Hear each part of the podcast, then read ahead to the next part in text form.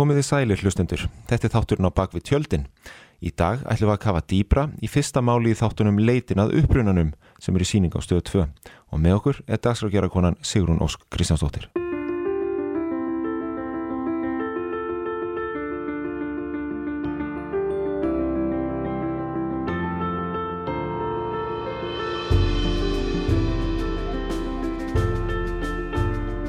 Jæja Sigrun Ósk, það komið að því. Við ætlum baka tjöldin í leitinni að upprunanum. Þriðja þáttur er hafinn, einn sagan hefur verið sögð, mm -hmm. ansi mögnu saga, saga Guðmundar Kort, mm -hmm. Lorenzini. Akkurat. Herru, ég kannski kynni mig, ég heiti Kolbi Tumi, ég er fréttastur á vísi, þú er konan sem að getur ekki hægt að finna fjölskyldur Íslendika út um allan heim. Ég vex ekki upp úr því. Nei, þetta er bara, þetta er þín köllun í lífunu, Sigrun Ósk Kristjánsdóttir. Allir við getum ekki bara sagt það. Mér finnst mjög spennandi að fá að setjast svona niður og krifja þetta eins. Mm -hmm. Að því maður er alltaf með hverja sekundu útpælda í þáttunum og, og svo mæti maður í nokkura mínútna útvarsviðtölu og svona. Gaman að fá að setjast niður og, og svona, já, leggjast aðeins yfir þetta almennilega. Og þetta er líka svolítið uppröfum fyrir þig að því að við erum að sjá þetta, bara nýbúin að sjá þetta en Mm. þetta er ekki alveg nýtt fyrir þig. Nei, ég var nefnilega, ég fór í póstin á þann til þess að gá sérstaklega hvað er langt síðan að þetta mál kemur fyrst inn á borð til mín og það er eiginlega bara akkurat eh, tveggjára, tveggjára amalið þar. Það er tvö ár síðan að ég fekk póst um, um Guðmund Kort frá manni sem að kemur nú fram í þáttunum.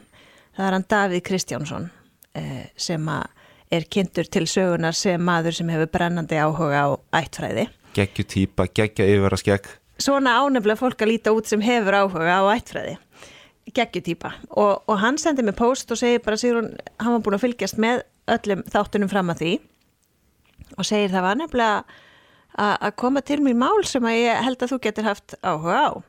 Svolítið sérstök saga. Þá er það saga af, af Guðmyndi Kort sem að kemst að því 25 ára gamall að pappas er ekki pappans eins og, eins og stundum er sagt.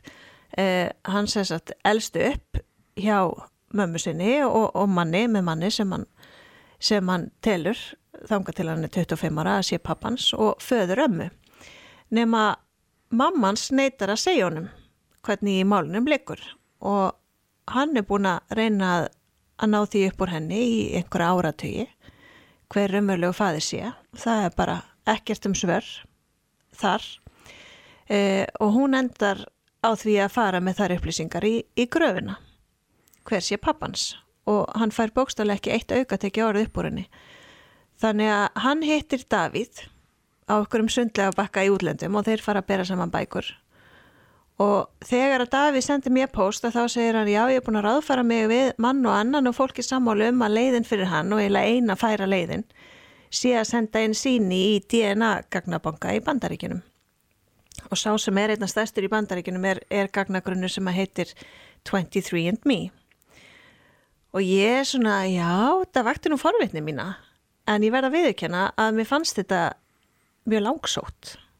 Sendin eitthvað síni í eitthvað banka, ég svona sá ekki alveg fyrir mér að geti komið eitthvað út úr þessu. Er því, þetta er of einfalt, þetta er eitthvað of mikið quick fix, þú ert að pæla hér með þessu leið og svo bara, já, já ég geti bara sendið þetta yfir og fengið svar og það er bara komið. Nákvæmlega, já. Þetta þarf ekki að vera flókið, einhvern veginn. Uh, greinilega ekki, kemur svo í ljós, en, en hérna, ég, ég ákveð allavega að ég segi eitthvað svona, já, herðu, ætla bara, hérna, ég er til í að hoppa á þennan vagn og, og fylgjast með þessu og, og ég meina ef það kemur eitthvað út úr þessu frábært og ef ekki, þá er það bara allt í lagi. Að því að eftir hverja einustu þáttaröða þá hef ég náttúrulega verið ákveðin í að það verði ekki fleiri. Svo bara eins og ég grínast með, mann er greinlega bara ekki sjálfrátt. Um, og, og já, hvað, og þarna var ég á kafi í vinslu á einhverju allt annari þáttaröð. Og við vorum upp í skaftalíð þá á stöð 2 en, en svo bara gerist náttúrulega ímislegt í þessu máli eins og kemur fram við þessum þáttum. Heldur betur, hérna, þessi típa, við tölum að Davíð væri frábær típa en mm það er svo gaman að fylgjast með þessum guðmyndi, sko, hann er einhvern veginn svona, svo hlýr Já. og viljin hans að finna uppröðun er svo skýr og hann er alltaf með tárin í augunum og þetta er náttúrulega algjör vasaklúta þáttur, þetta er bara fólk getur kipt sér áskrift að vasaklúta kvöldi á stöðföðu þessi sunnundagskvöld sem þáttunum síndur en maður, maður, maður vill svo hann finna þetta því að viljin og áhugin er svo mikill hann langar svo mikið að vita eitthvað. Það er nefnilega, um leið og ég heitti Guðmund þá vissi ég að þetta væri svona viðmælandi sem að fólk myndi halda með. Og það er náttúrulega það sem þú vilt að fólk langi að næstu í meira heldur en hann að hann finni fólki sitt. Og Guðmundur er líka drauma viðmælandi hvað það varðar, hann er alveg ómeðvitaður um að það sé myndavel á svæðinu, hann er alveg eins áður en þú kveikir á henni og meðan henni kveikt á henni og eftir er búið slökka hann bara breytist ekki neitt, svona er bara Guðmundur kort hérna nákvæmlega eins og hann er í þáttunum og það er náttúrulega bara leitun að svona einlægni og sérstaklega kannski um, hjá fólki á þessum aldri. Ég held að svona yngri kynnslöðun sé vanar því að tala um, um tilfinningar og svona hluti. En ég minna maður sem er að verða sjötugur og er smiður og slökkvilismadur ég held að þú finnir ekki marga úr þeim hópi sem, a, sem að tala svona opinskátt um svona hluti Algjörlega, þetta er náttúrulega nýja kynslun er náttúrulega þannig að það er alltaf síma og lofti og þú ert alltaf að taka upp eitthvað tímamóta myndband sem þú ert að dreja með öllum alheiminum. Emmett, það, það er búið að tala um allt og það má tala um allt og öllum má líða alls konar. En það er svona, svona svolítið nýtt. En, en já, hann er, hann er algjörlega frábær. Og þau hjónin bæði, náttúrulega. Ég og, ég og konan hans komur staði þegar þáttar eða maður komur svolítið vel á veg. Eða þessi þáttur að við værum fjórmenningar. Ekki bara nöfnur heldur fjórmenningar. Við vorum ægilega ánaða með það nú er þetta alltaf frænga sko. Sigrun frænga, guðmundu kort. Heimilislegt á litla Íslandi. En þessi fyrri þáttur náttúrulega sneri rosalega mikið að því þið eru ennþá heima hérna allan tíman já, og þá er rosalega dramatík. Og maður finnur svo mikið til með honum að því að hann er svo hann langar þetta svo mikið og það ætti að vera svo auðvelt að fá svör við þessu að því það er eins og mammans bara veit svarið allan tíman já, en það er bara þvert nei, alveg sama þú veist, þetta er svona, ok, ég prófa aftur eftir 20 ár þú veist, eftir 20 ár, eða þú veist, þetta er langan tíma og það er bara aftur mm, nei, ég ætla ekki að segja hver pappiðin er. Þetta virkar svo Hva, hvað er eiginlega í gangi? Hvað er eiginlega í gangi? Það er bara sumt í þessu þáttu sem að verður pínu svektur að fá aldrei almennilega svör við. Maður getur bara giskað í eyður. En eftir að þátturinn fór í loftu er ég búin að heyra í mjög mörgum sem að standa í svipuðum eða sömu sporum og fólk sem að ég er náttúrulega ekki eins og uppi á þessum tíma. Ég held að sé svolítið erfitt að setja sig inn í eh, svona, já bara þessa stemmingu sem að var þarna og, og allt í kringum þessi ástandsbönn hljómar eins og þetta hafi gerst fyrir 300 árum og skömmin og þögnin og þetta er því miður alls ekki einstæmi og án þess að ég ætla að verja þessa konu að þá segir alveg sína sögu að henni fannst auðveldari leið út úr þessu að klippa á samskipti við són sinn heldur en að segja honum sannleikan mm sem er eitthvað neginn bara með reynum ólíkendum. Maðurinn hennar látin, hún á ekki langt eftir og samt bara þegjandi og þögn. svörin til í einhverju dagbókum líklega sem að var Mögulega. ákveða að- kveikja í Já, þetta hljóma náttúrulega eins og legasaga.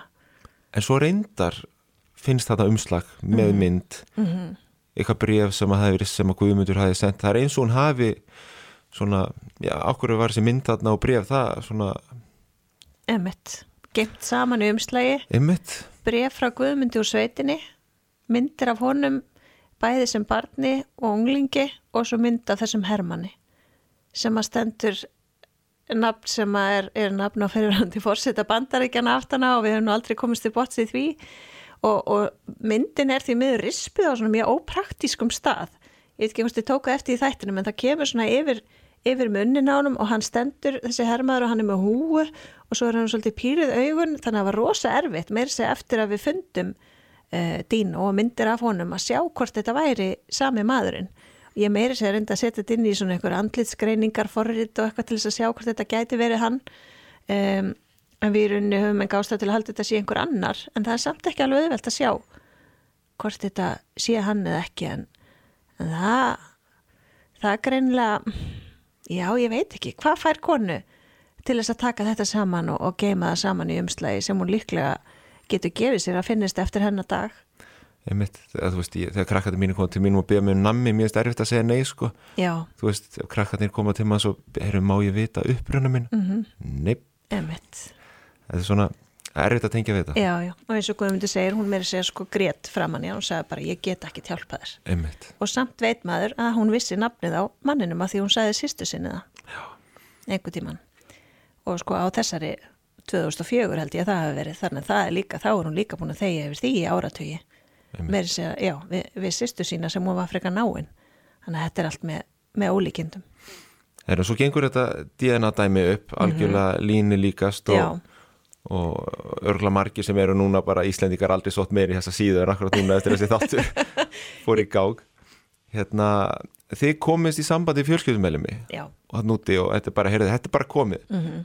og svo bara, nei, nei, nei það er bara slokna á öll samskipti og eitthvað og þið bara viti ekki hvað að fara að gerast. En þá einhvern veginn löngunni í honum eins og hann bara, hann ætlar sér já, að gera þetta. Já, þetta er umlað eitt af það sem finnum málum þar sem ég, eða finnum málum þar sem ég held ekkit um stjórntöfumana korki úti nýja hérna heima að því að þau eru farin af staði í þetta og það eru þau sem að fá fréttinar af því á undan mér að hann, Matt sem eins og sagt er við manni í gagnagrunninum sem að er þá, þeir voru bræðrabönn og uh, hann býr sko hinum inn á landinu hann er ekki í, í neinum svona nánum samskiptum við þessi sískinans en, en þekktu þau alveg og allt svo leis og hann hefur einmitt mikið áhuga á eittfræð og þess vegna endaði hann í þessum grunni um, hann er verið mjög þakklátt fyrir fólk sem hefur áhuga á, á eittfræði í þessu prógrami en, en já, hann kemur hann í samband við sískinin og, og bróðurinn eitt hann samþykir að, að fara í DNA próf til þess að sjá hvort að þetta sé réttur uh, rétt tenging hvort að þau sé í rauninni hálsískinans þótt að allt bendi til þess að því að eins og ég segi hann og, hann og frændin passa og dín og nafnin passar við, við föðubróðurinn um, og, og hann er frekar snöggur að senda inn þetta DNA síni og þá sagði ég mitt bara herðið, nú þurfum við að tryggja það að, að þið fáið, að ég fái fréttinnar eiginlega á undan ykkur þannig ég getur nú verið viðstöðt augnablíkið þegar hann fær að vita hvort að, hvort að þetta sé fólki. Og það var eiginlega eina sem ég fekk að ráða því að svo þegar kemur í ljós við erum búin að tilkynna honum að þetta sé raunverulega hálsískinans og allt svo leis að þá eins og segir þá kemur bara að trekja mánaða þögn. Og kenningin sem að kemur alltaf fyrst upp er varðandi erðamál að því að nú voru hjónin bæðilátin og, og, og sískinin mörg. Eh, voru sjö en einn sískinin var látin. Þannig að þau eru sex á lífi. Eh, löngu búið að gera allt upp og eitthvað svona þetta er þetta vesen. Mm -hmm.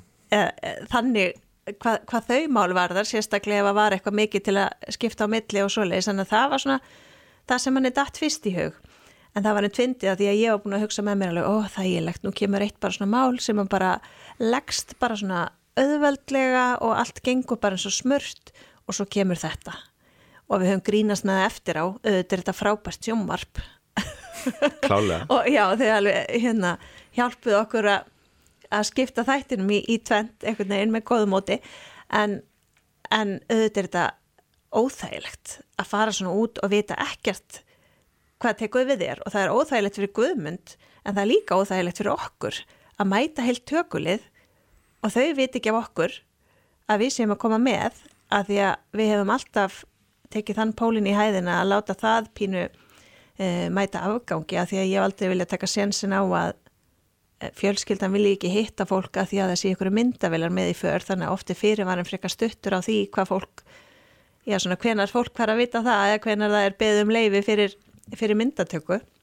Þeir voru, þeir voru búin að, þeir voru bara að býða, þeir eru hans sem að neglir bara, ég er bara farin út þú ræður hvort þú kemur með það ekki, ég, bara, ég þarf að gera þetta. Já, ég fæ nefnilega símtal þar sem að ég siti í vinnunni og eins og ég segi, þá er, er liðinu tveir mánuðir frá því ég heyrðum í þeim en já, ég var svona, já, skulum aðeins sjá til. Kannski er þau eru bara ræðamálin og, og eitthvað svona, nema Guðmutur ringir í mig og segir bara, Sigrun mín, ég er búin að panta flög með það til Ameríku, ég er að fara eftir viku og þú ert Guð velkomin með en ég ætla að fara.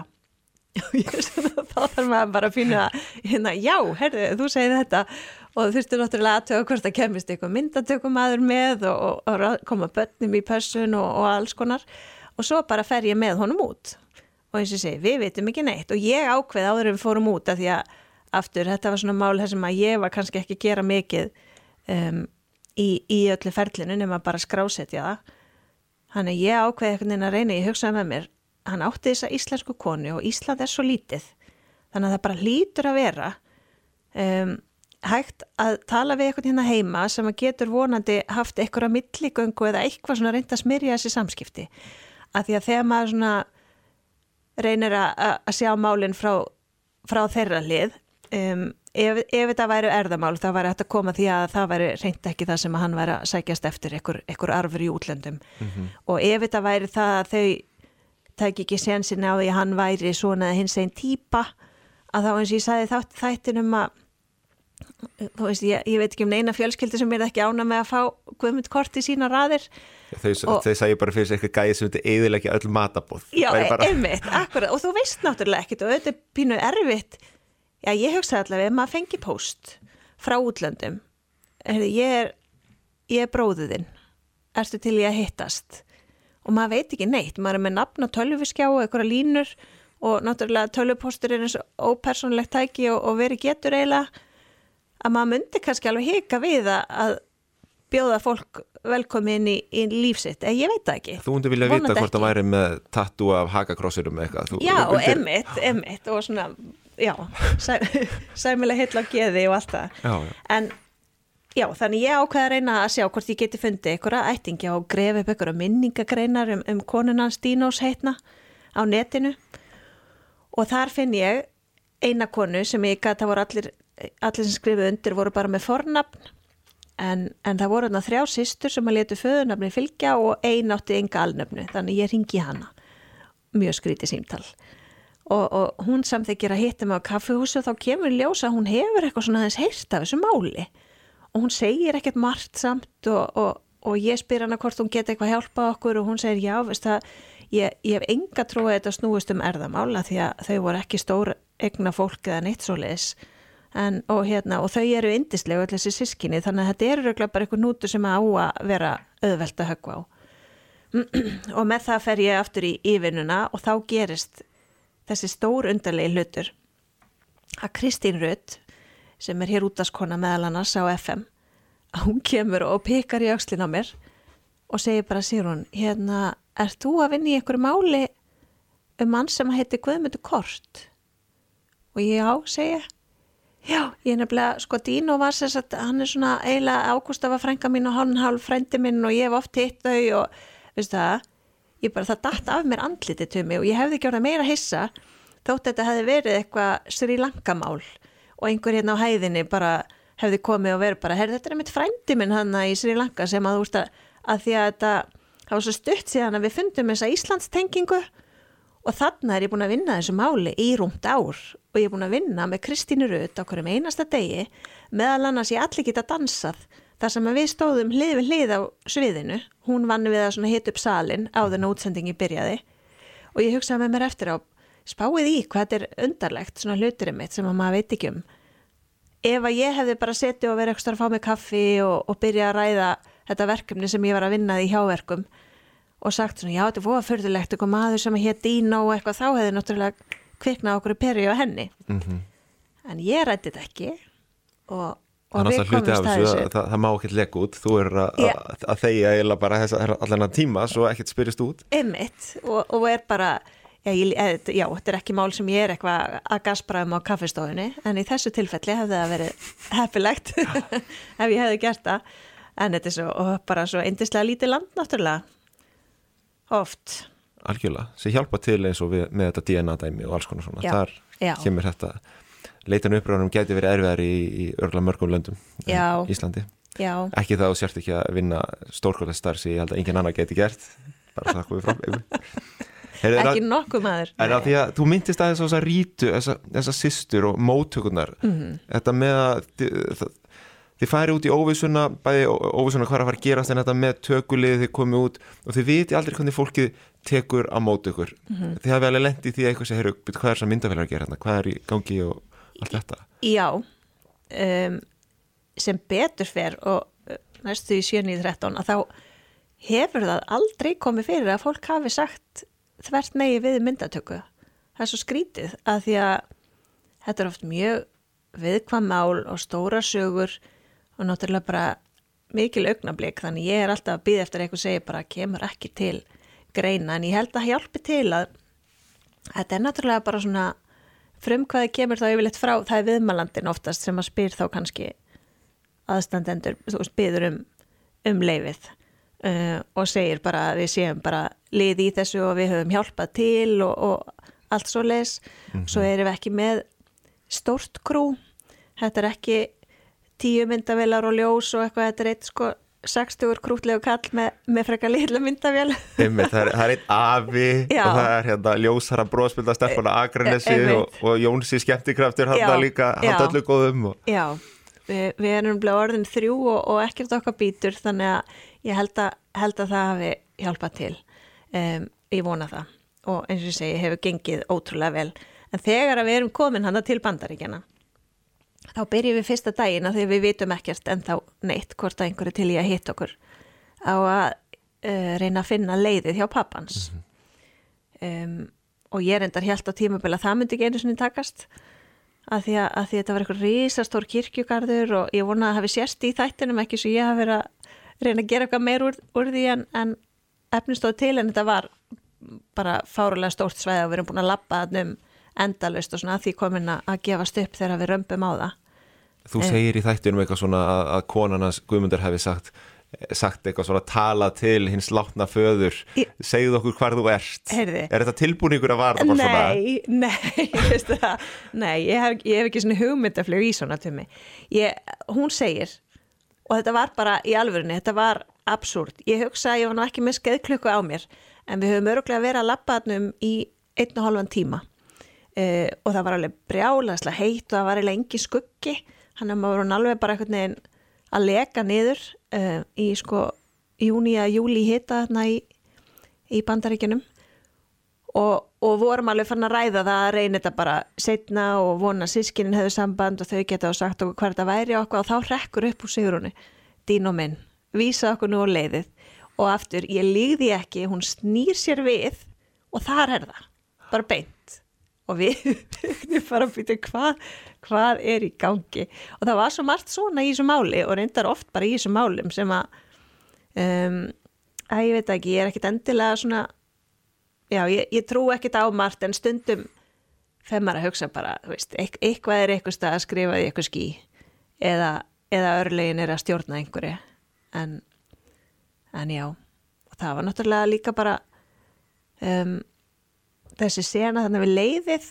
Mm að maður ekki búin að ræða hana við mig eftir þáttinn að því að fólki finnst svo ótrúlegt að maður geti komið til bandaríkjana og staðið yfir legstinni hjá manni sem að var honum ókunnur og að það hafi svona mikil áhrif á hann. Um, og náttúrulega bara ég held að það sé bara öll þessi saga og þessi langi tími og, og Guðmundi sagði nú sjálfur að honum fannst hann bara einhvern veginn komin til hann sko eins og hægt var með veðstæður og náttúrulega ég hef alltaf dáðst að Guðmundi að geta náða að svekja sig ekki á því að hafa ekki hitt hann á lífi að því að stundum á maður til að velta sér upp úr svoleiðis. En ég veit að hann meinar það að honum hefur alveg tekist að sleppa því. Hann er svo mikill hérna, hann er maður núsins og, og hefur bara tekið þann pólinn í hæðina að það sé bara frábært að hafa fengið þessi svör og, og svo náttúrulega fá að hitta sískinin Já, það er náttúrulega sérstaklega gráðlega líka vitandi þegar hann væri búin að vera svona, með annan fótinn á Íslandi og, og hann hefði sjálfur verið út í New York á svipum slóðum á pappans og Já, þannig að, að tækifæri náttúrulega hefði verið augljóslega fjölmörg að, að hittast og kynnast og allt þetta. Emmitt, og við erum búin að ræða smæð Íslands og það var einmitt ein hérna frammi sem sagði við mig alveg, sigur hún, við erum að tala um það að það eru bara líkur á að þeir hafi hist eitthvað tíma bara í sundi, eða skilur við, alveg einu sem maður veit það ekki. Þú veist, verið saman bara í krónunni eitthvað staðar á, á sama tíma á sama stað, maður veit það ekki. En, en já, hann allavega, og auðvitað, uh, ég held að, einmitt, bara svörin séu svo dýrmætt, þú veist, fá bara að vita hvaðan þú kemur og þótt hann hafi ekki fengið nema að sjá myndir af honum að heyra sögur af honum að þá er það svo mikið meira en ekki neitt. Mhm. skilur hvað ég meina? Þannig að, já, En þessi leit að uppröðunum er hægt að veist, við erum sjá tilfinningar hann hjá fólki eins og hjá Guðmundi og fleirum sem að þú veist, m- maður kannski heldur þú veist, hvernig getur honum liðið svona hann þekkti ekki eins og gæjan og allt þetta. er þetta bara eitthvað sem maður skilur ekki? Nú er ég svona alveg 75% vissum að mamma sé mamma mín og pappi pappi mín skilur já, Eins viss og getur verið. eins og svo ég get verið. Er hérna er, er kannski ekki engin leið að skilja þetta? Er þetta, það lítur að vera mjög sérstu tilfinning að, að vita ekki að veit ekki hvað þú kemur og, og, og allt þetta. Já, ég hugsa alltaf því að svona foreldramanns eru nú oftast fólki sem að stendur manni næst og þetta er svo samofið sjálfsmyndinni.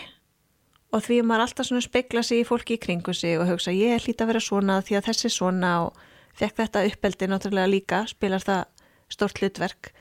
En ég held að ég skilji þetta eins vel og ég get miða við að hafa ekki staðið í þessum spórum að því að um, og kannski er það svona bara forvitnin og, og að ég veit það ekki, ég, ég þarf að vita kannski miklu meira miklu meira en holt er. Nei, bara, þú veist, að fá bara svona botni hluti og vita bara geta svona kortlagt svona hluti sem eru svona stórir.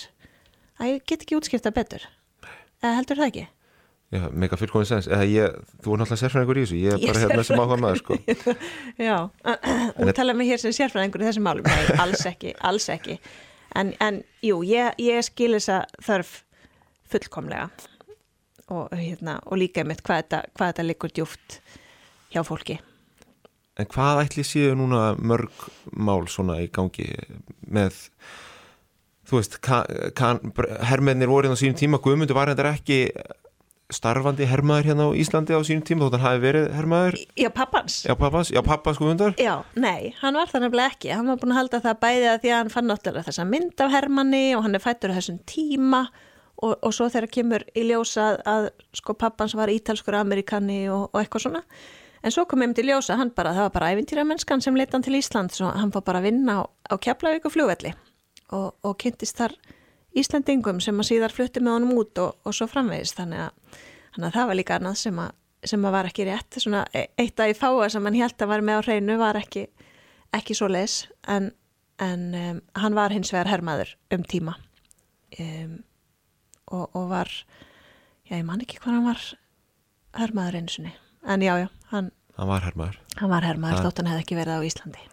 Að þetta var svona hálsannleikur kannski Og það eru, það er einhverju búin að setja sér í samband við þig, skils mér með svona áþekka sögu sem að eiga hermana, já væntalega föður frá bandaríkjónum eða Breitlandi sem að hafa áhuga að sér hún hjálpa þeim að finna pappa. Já, ég nefnilega strax eftir fyrsta þáttinn og ennþá meira eftir setni þáttinn byrjaði ég að fá pósta og ég er búin að tapa tölun en ef ég ætti að slá á tölu þá er ég búin að fá cirka 50 tölvupósta frá fólki sem er að spurja hvort ég eigi möguleika á að hjálpa því um, og sem er þá annarkvort í sömu eða mjög svipuðum sporum.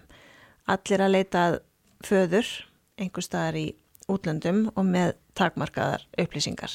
Og mér þykir mjög leiðilegt en mér hefur ekki unnist tími til að svara svo mikið sem einum þeirra. Af því að ég sitt hér fram á kvöld að klippa. Næstu þætti er alveg á kafi í þessari þáttaröð og svo er ekkit búið að ákveða hvað framhaldi var þar nema eiginlega að ég ætla að taka góða pásu. Þannig að ég get því miður takmarkað hjálpa þessum hópi. Þú nærði ekki fyrir jól, ég er segja. ekki fyrir jól. Og aftur mér finnst bara fínt að fá tækifæri til þess að tala um þetta hér að því mér er svo leiðilegt að, svara ekki svona postum um leið. Ég hef vöna að reyna að leggja metta minn í það en ég hef bara ekki, ég hef bara ekki komist í það. Uh, mun gera það einhver tíman á endanum. En, og, og svo náttúrulega um, já þótt ég sjá ekki fyrir mér eitthvað samstarf alveg á næstunni að þá veit maður náttúrulega aldrei. En þetta segir okkur ímislegt um umfangið. Ef þú ert búin að fá 50 tölupósta, hvað heldur að dæmi séu mörg? Nefnilega, ótrúlega mörg. Og ég er náttúrulega eftir að, hvað er þetta orðið mörg ár sem ég er búin að gera þess að þætti, þau eru að verða fjögur. Ég fer aldrei á mannamóti í stóra veislun um einhver komið til mín og tala um svona mál. Og ekki endilega þeir sjálfur heldur einhver þeim nákomin og stundum fæ ég bara tilfinninguna að sé nánast undatekning og fólk er með þessi mál á hreinu eða skilji, þetta er svo, það eru svo margir svo ótrúlega margir og það er ekki allir sem tala um það meiri segja er það ítrekka að koma fyrir að fólk er kannski í þættinum og það eru mjög margir í kringum það bara fyrst að heyra því þá að, að faðirni hafi ekki verið á hreinu og, og svo framvegis. Þetta er náttúrulega ekki kannski mál sem þú ert að ræða bara hvar sem er og hvenna sem er. En já, ótrúlega margir í þessum sporum. En bara, svo við gerum þennan þáttu upp, Guðmundur Mhm. Kort í dag er bara í skíunum, hann á bara fullt af sískinum og búin að fá heimsókn og Já. komur með hérna geggja hann alltaf, hann fær hérna ammæliskjöf hérna sem er eitthvað svo viðgerar vesti belti, Mert Lorentini Já. og hann ætlaði að taka um nafni maður ekki, var Jú. hann ekki að pæli því? Jú, og hann finnst það bara liggja beint við það því að eins og hann sagði sjálfur hann, hann er Lorenzini, það er, er ekkit flóknar en það og þá finnst hann bara eðlilegt að hann, hann beri það nafn ég veit reyndar ekki hvort hann er búin að koma sér í það en þá að, að breyta, ég þurfti nú að heyri í honum og spyrja því. Að ég hugsa hann leti mér nú með þess að vita af því ef hann, ef hann færi. En, en það er bara tímaspösmál held ég, hvernig hann klára það mál. En ef ég má spóla hans aftur og baka því við kláruðum ekki á þann með myndatökunar Já, um, að því að þegar við komum hana út til hans við erum búin að fara leiðið og svo allt í einu hafa öll sískinni samband og vilja hitt okkur. Og þegar að þú veist, þannig komum við sögu að þá veit enginn að, að það er, að það er myndatökukrú með í för. Og Rita sem við elskum öll, mm -hmm. sýstir hans að hún sem sagt sendir á okkur við sittum bara ekstra bara hátegismat og hún segir bara, herðu, mér langar ekkert að ég ætla bara að koma núna. Og ef mikið Solveig, dóttir hans Guðmundar lendi því að þurfa að vera bara, heyrðu, já, það er eitt sem við þurfum að ræða. Það eru hérna nokkrir auka með myndavilar sem að myndi vilja mynda þetta og þá alveg krossaði hún séu bara Guðmund góður, ég, hún vinnur semst við að keira svona skólar úti. Og, og ég er aðeins búin að koma inn á hitastegið þarna og hún alveg, ó ég er alveg hérna kófsveitt búin að keira rútunni allan dag en já, ég nenni ekki að býða, ég ætla samt að koma. Og svo er með hleypur hún út úr bílnum og eins og fræktur orðið að þá stýr hún við og næri jakkan sinn til þess að skýla sér. Og það var sem sagt aðalút af okkur held ég í svona gríni.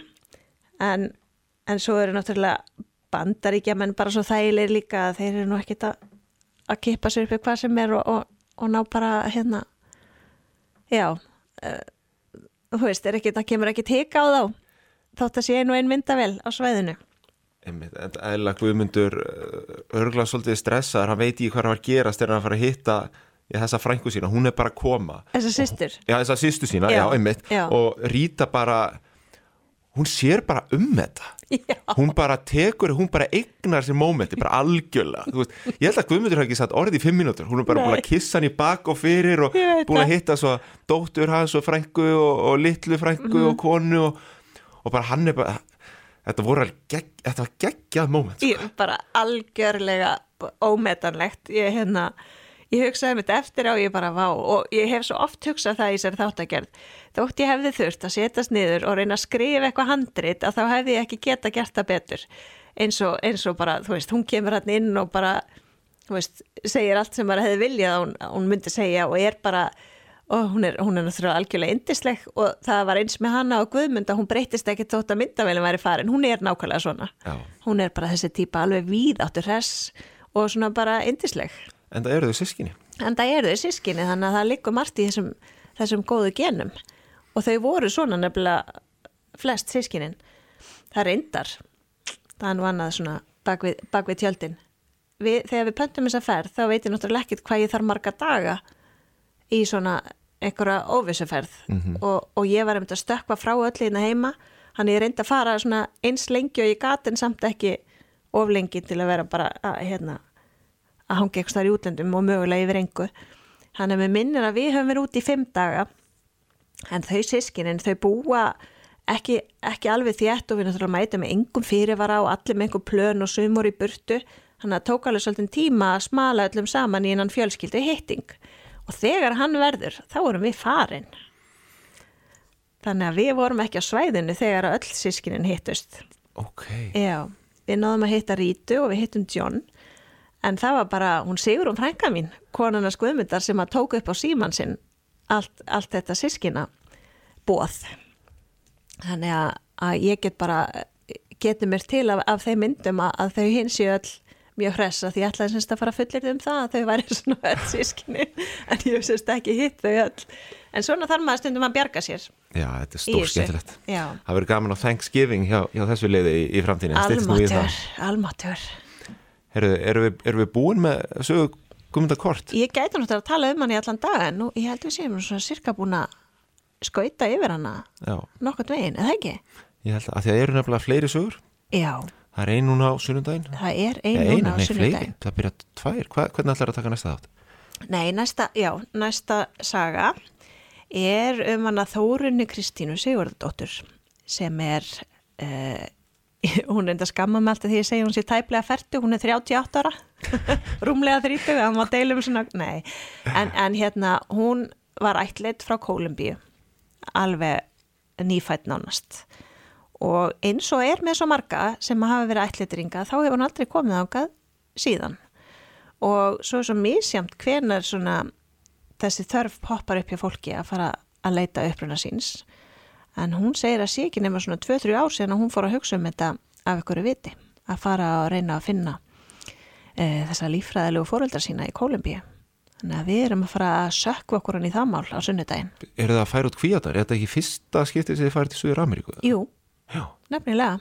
Þetta eru allt nýlöndi í þessari þáttaröð. E, Ástæðan fyrir því að ég tók mál Guðmundakort af mér var ekki síst að það var svona alveg ný tegund af máli og fyrst að við ætlum svo að hlaða í þriðju þáttaröðina að þá langaði mig líka að reyna að fara svona til nýra landa og veri ekki eitthvað neina endur taka mig mikið. Þótt að málinn sjáu nú oftast um það sjálf þess að sögur eru aldrei eins. Mm um, en, en já, allt nýlönd ok, spennandi. Já, Þannig að þetta er klálega þáttur sem við ætlum ekki að missa af á stöð 2 á sunnudagskvöldið. Á sunnundaskvöldi rétt fyrir 8, 20 myndi fyrir held ég. Og ég mæli með honum hlutlest mat. Það er þannig. Hann er líka mjög gott, góður. gott Já. við elsku hlutlega spatt Við stendum á að hittast aftur Já. eftir, uh, já, vantarlega þegar svo saga hefur verið sögð. Já, og skiknast það bak við tjöldin í þeim þáttum. En bara þangað til, verið sæl. Bless